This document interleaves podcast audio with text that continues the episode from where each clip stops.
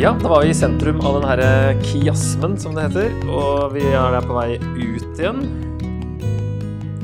Eh, fra midten. Sånn at eh, sentrum var jo syn fire og fem om Josva, og nå er det Serubabel. Eh, og her er det jo sånn, enda et godt eksempel på det kanskje vanskeligste liksom, å se for seg. Det som eh, beskrives her, med lysestake og skål og lamper og rør og veker osv.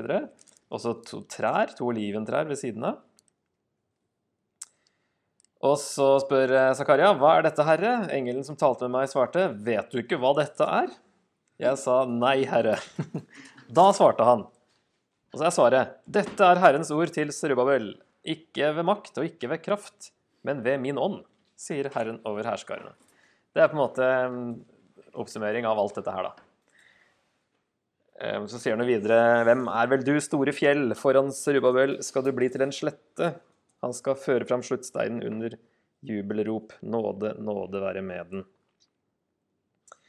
Så det her handler om eh, Som dere ser, så er det en link nederst. Jeg bare knabba det bildet her fra en land, så det er egentlig, ja, det ser det så vidt at det står Revelation 11. Så det her bildet her dukker opp igjen i Hans som så veldig mye annet fra Zakaria. Eh, noen sier hele strukturen på Hans åpenbaring er på en måte bygd på Zakaria. Men her så er det da oliventrær og uh, olje som uh, renner ned fra disse trærne. Olivenolje, da.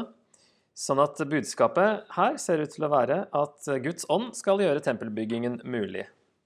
Og at Guds ånd og kraft kommer via Serubabel og Josva.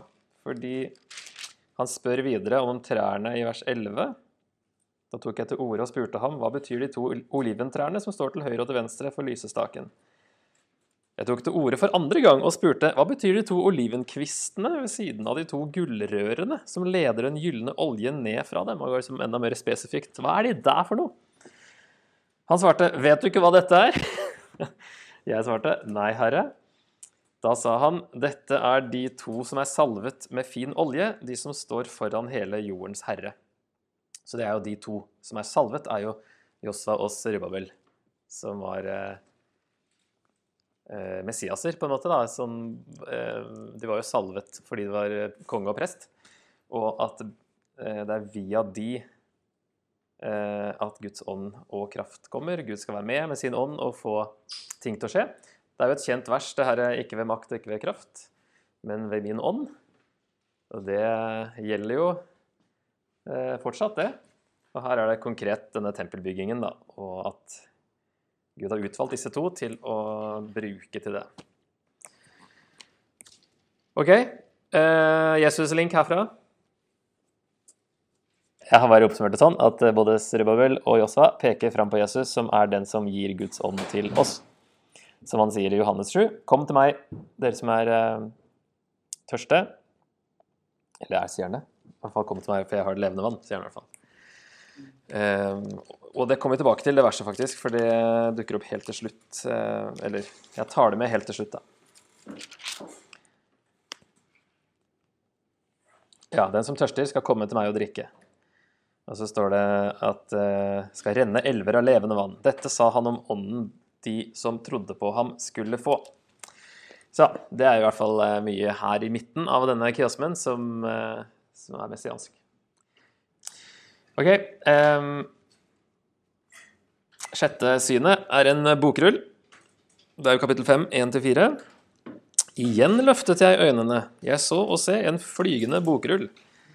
Engelen sa, 'Hva ser du?' Jeg svarte, 'Jeg ser en flygende bokrull, 20 alen lang og 10 alen bred'. Han sa, 'Dette er forbannelsen som går ut over hele landet. Ennå har ikke de som stjeler, fått straff etter forbannelsen, og heller ikke de som sverger.' Nå sender jeg den ut, sier Herren over herskarene. Den skal komme inn i huset til den som stjeler, og inn i huset til den som sverger falskt ved mitt navn. Den skal slå seg til i huset og ødelegge det, både treverk og stein. Det er jo litt merkelig, den her. Ikke så lett å skjønne helt eh, poenget. Eh, målene er i hvert fall ti ganger fem meter ca.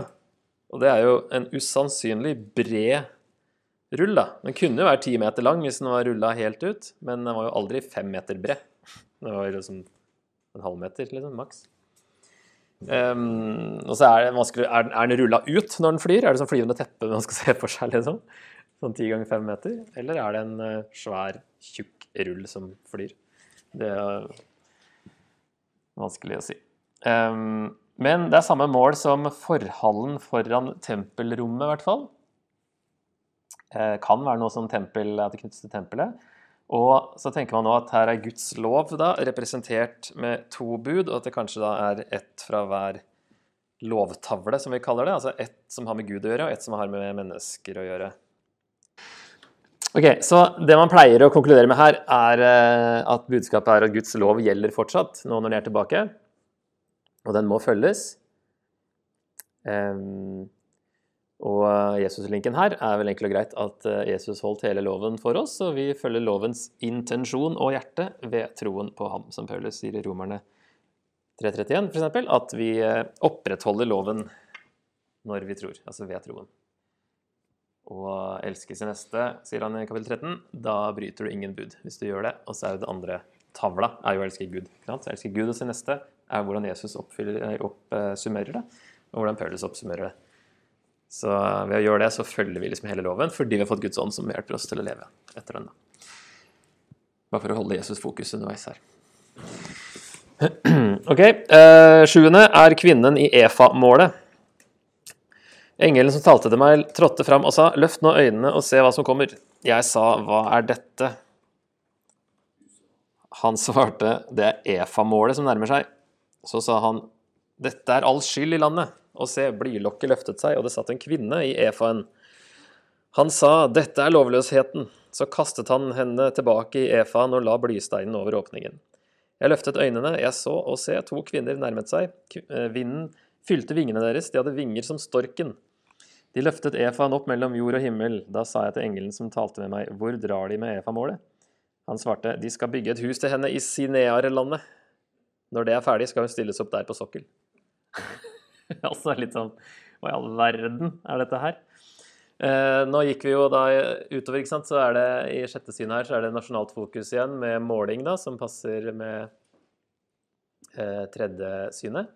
Og så eh, kommer vi nå til internasjonalt fokus, og at det er todelt. Det står i fotnotene her at et eh, EFA-mål er en melkrukke eller meltønne som rommer vel 36 liter. Det rommer en EFA. det er riktig.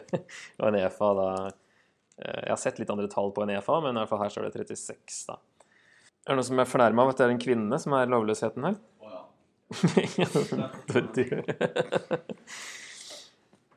Hva tenker du om det? Hvorfor er det en kvinne?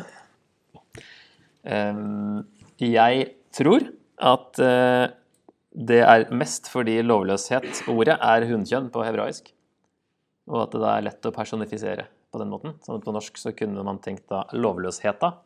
Så hadde man tenkt litt mer hundkjønn på det. Ehm, det er det samme som at visdommen personifiseres i ordspråkene som en dame.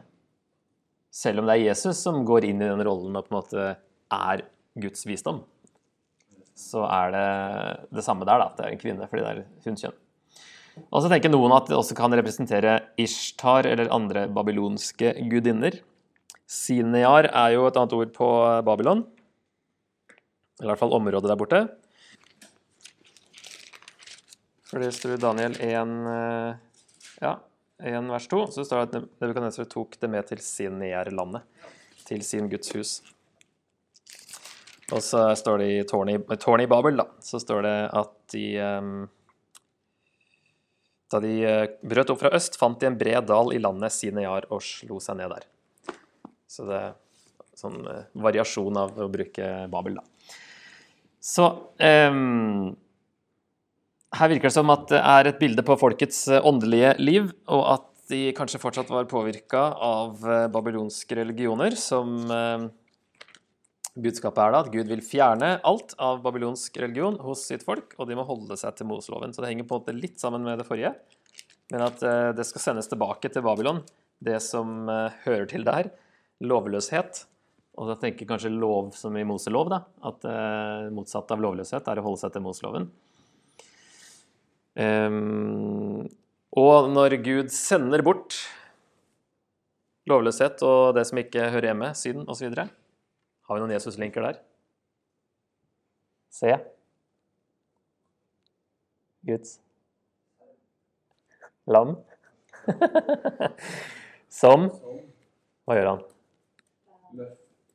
Bærer bort, står det nå, faktisk. Bærer bort verdens synd. Først sto det 'bærer verdens synd'.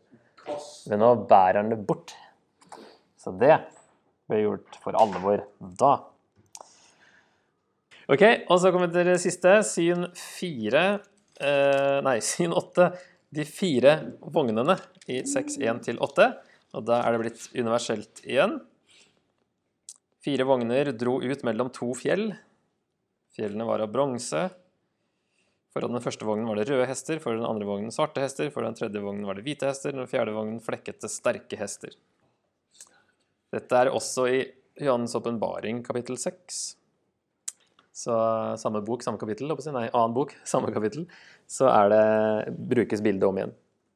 Her er det mer om vognene, da, men det er altså fire hester som drar ut i Johannes' åpenbaring.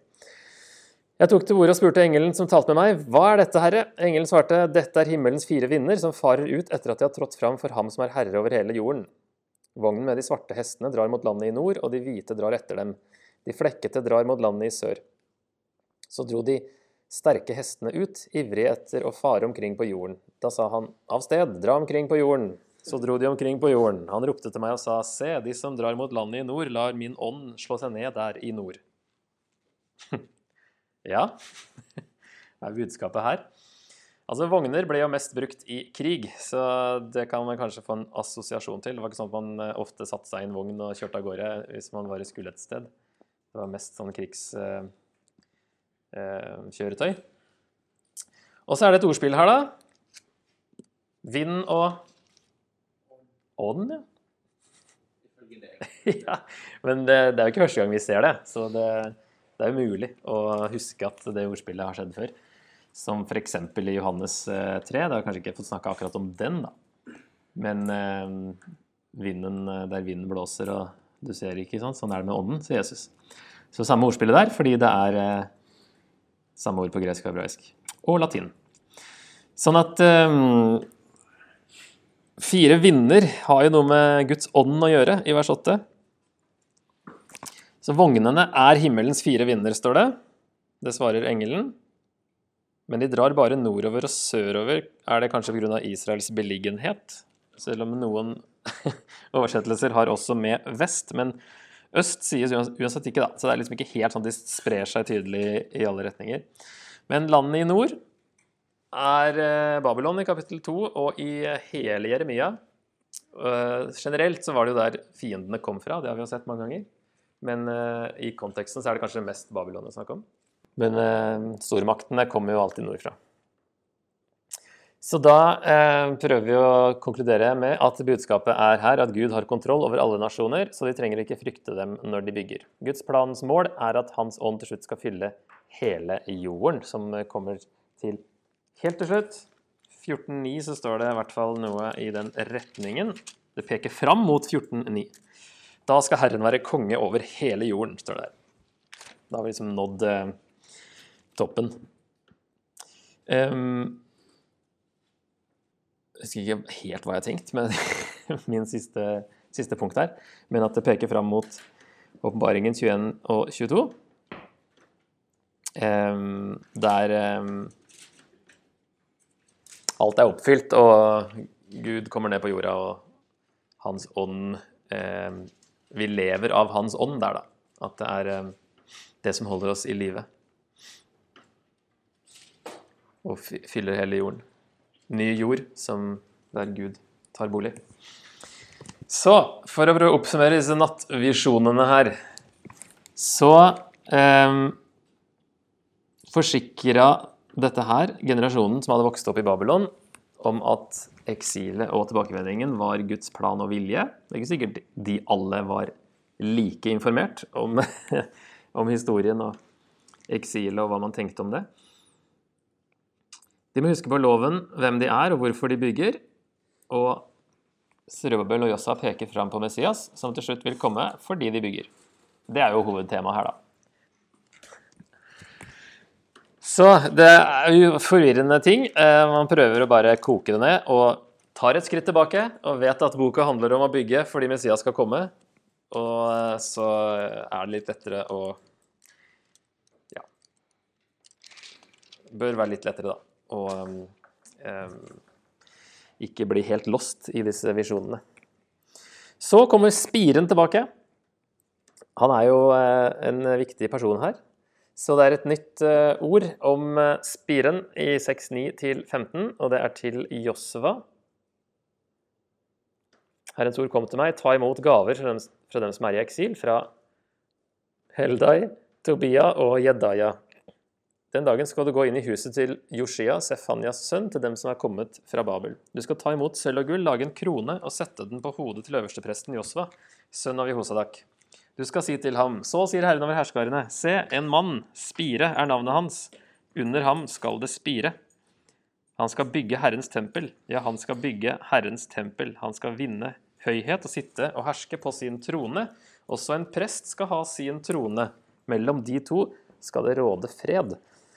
Kronen skal være til minne om Helem, Tobia, Jedaya og Hen, sønn av Sefania, i Herrens tempel. Folk fra fjerne land skal komme og bygge på Herrens tempel. Da skal dere kjenne at Herren over herskarene har sendt meg til dere. Dette skal skje hvis dere lyder røsten til Herren deres Gud. Ok, ehm, for det som er interessant her, er at ehm, her er det snakk om eh, Sier det til Josva, og så er det snakk om to stykk plutselig, i vers 13 der. Mellom de to skal det råde fred. Og at det er snakk om Messias og også en prest. Messias er jo kongen, og så er det plutselig snakk om en prest. Og Josva er jo den som får dette ordet. Han er jo prest. ikke sant? Og han skal også få en uh, trone. Og det her bl.a. førte til at uh, dødehavsrullene så er det litt spor av at de tenkte at det kom to Messiaser. En kongelig og en prestelig. Fordi de fikk ikke det her til å henge helt sammen. Og sikkert noen andre tekster også. Er det det som er vent? Er det to Messiaser her? Det som også er litt sånn interessant, er at ordet krone egentlig er flertall på hebraisk her. Um, og Man har sånn forskjellige teorier på hvorfor, men uh, om det er en feil, er det noen som mener. Men uh, det kan òg være med vilje for at denne presten og kongen skal forenes i én person her. At han får kroner, men så er det egentlig snakk om én person. Sånn at ikke bare Serubabel, men også Josva peker fram mot en som skal bygge Herrens tempel. Serubabel skulle jo bygge det fysisk og var stamfar, og Josva han er også med på å bygge tempelet. Og så står det 'folk fra fjerne land' i vers 15. Det er mer bokstavelig 'de som er langt borte', skal komme. Og Da kan det være flere fra eksil som skulle komme, eller hedninger som hjelper til, som vi leser om i Esra 6, som da vil bekrefte Zakarias budskap. Det er liksom det uh, her og nå-oppfyllelsen. Sånn at vi skal oppsummere det her, så virker det som at budskapet er at en kongelig øverste prest, som kalles Spire, skal bygge Herrens tempel, bli opphøyd og herske. Tempelet de bygger, er for en konge. Så her eh, En kongelig øversteprest er jo noe nytt. Og hvis vi drar det her videre, da, så vet jo vi at eh, nei, det er bare én Messias. og at Jesus forener eh, disse to.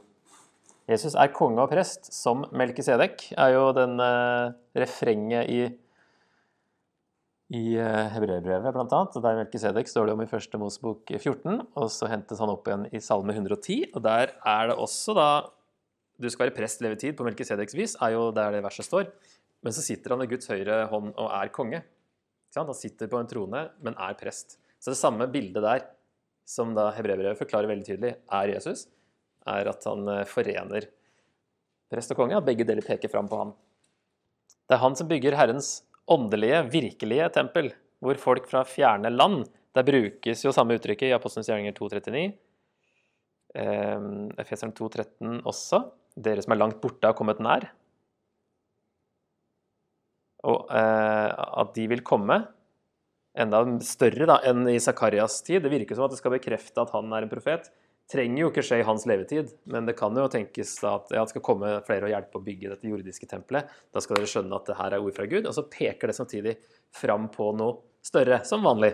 At eh, folk fra enda lenger unna skal komme og bygge, og faktisk være byggesteinene på det nye, egentlige tempelet, som egentlig er målet, og som det jordiske tempelet peker fram mot. Så Efeserne 2 og 1. Peter 2 snakker om det at vi er steiner på det tempelet.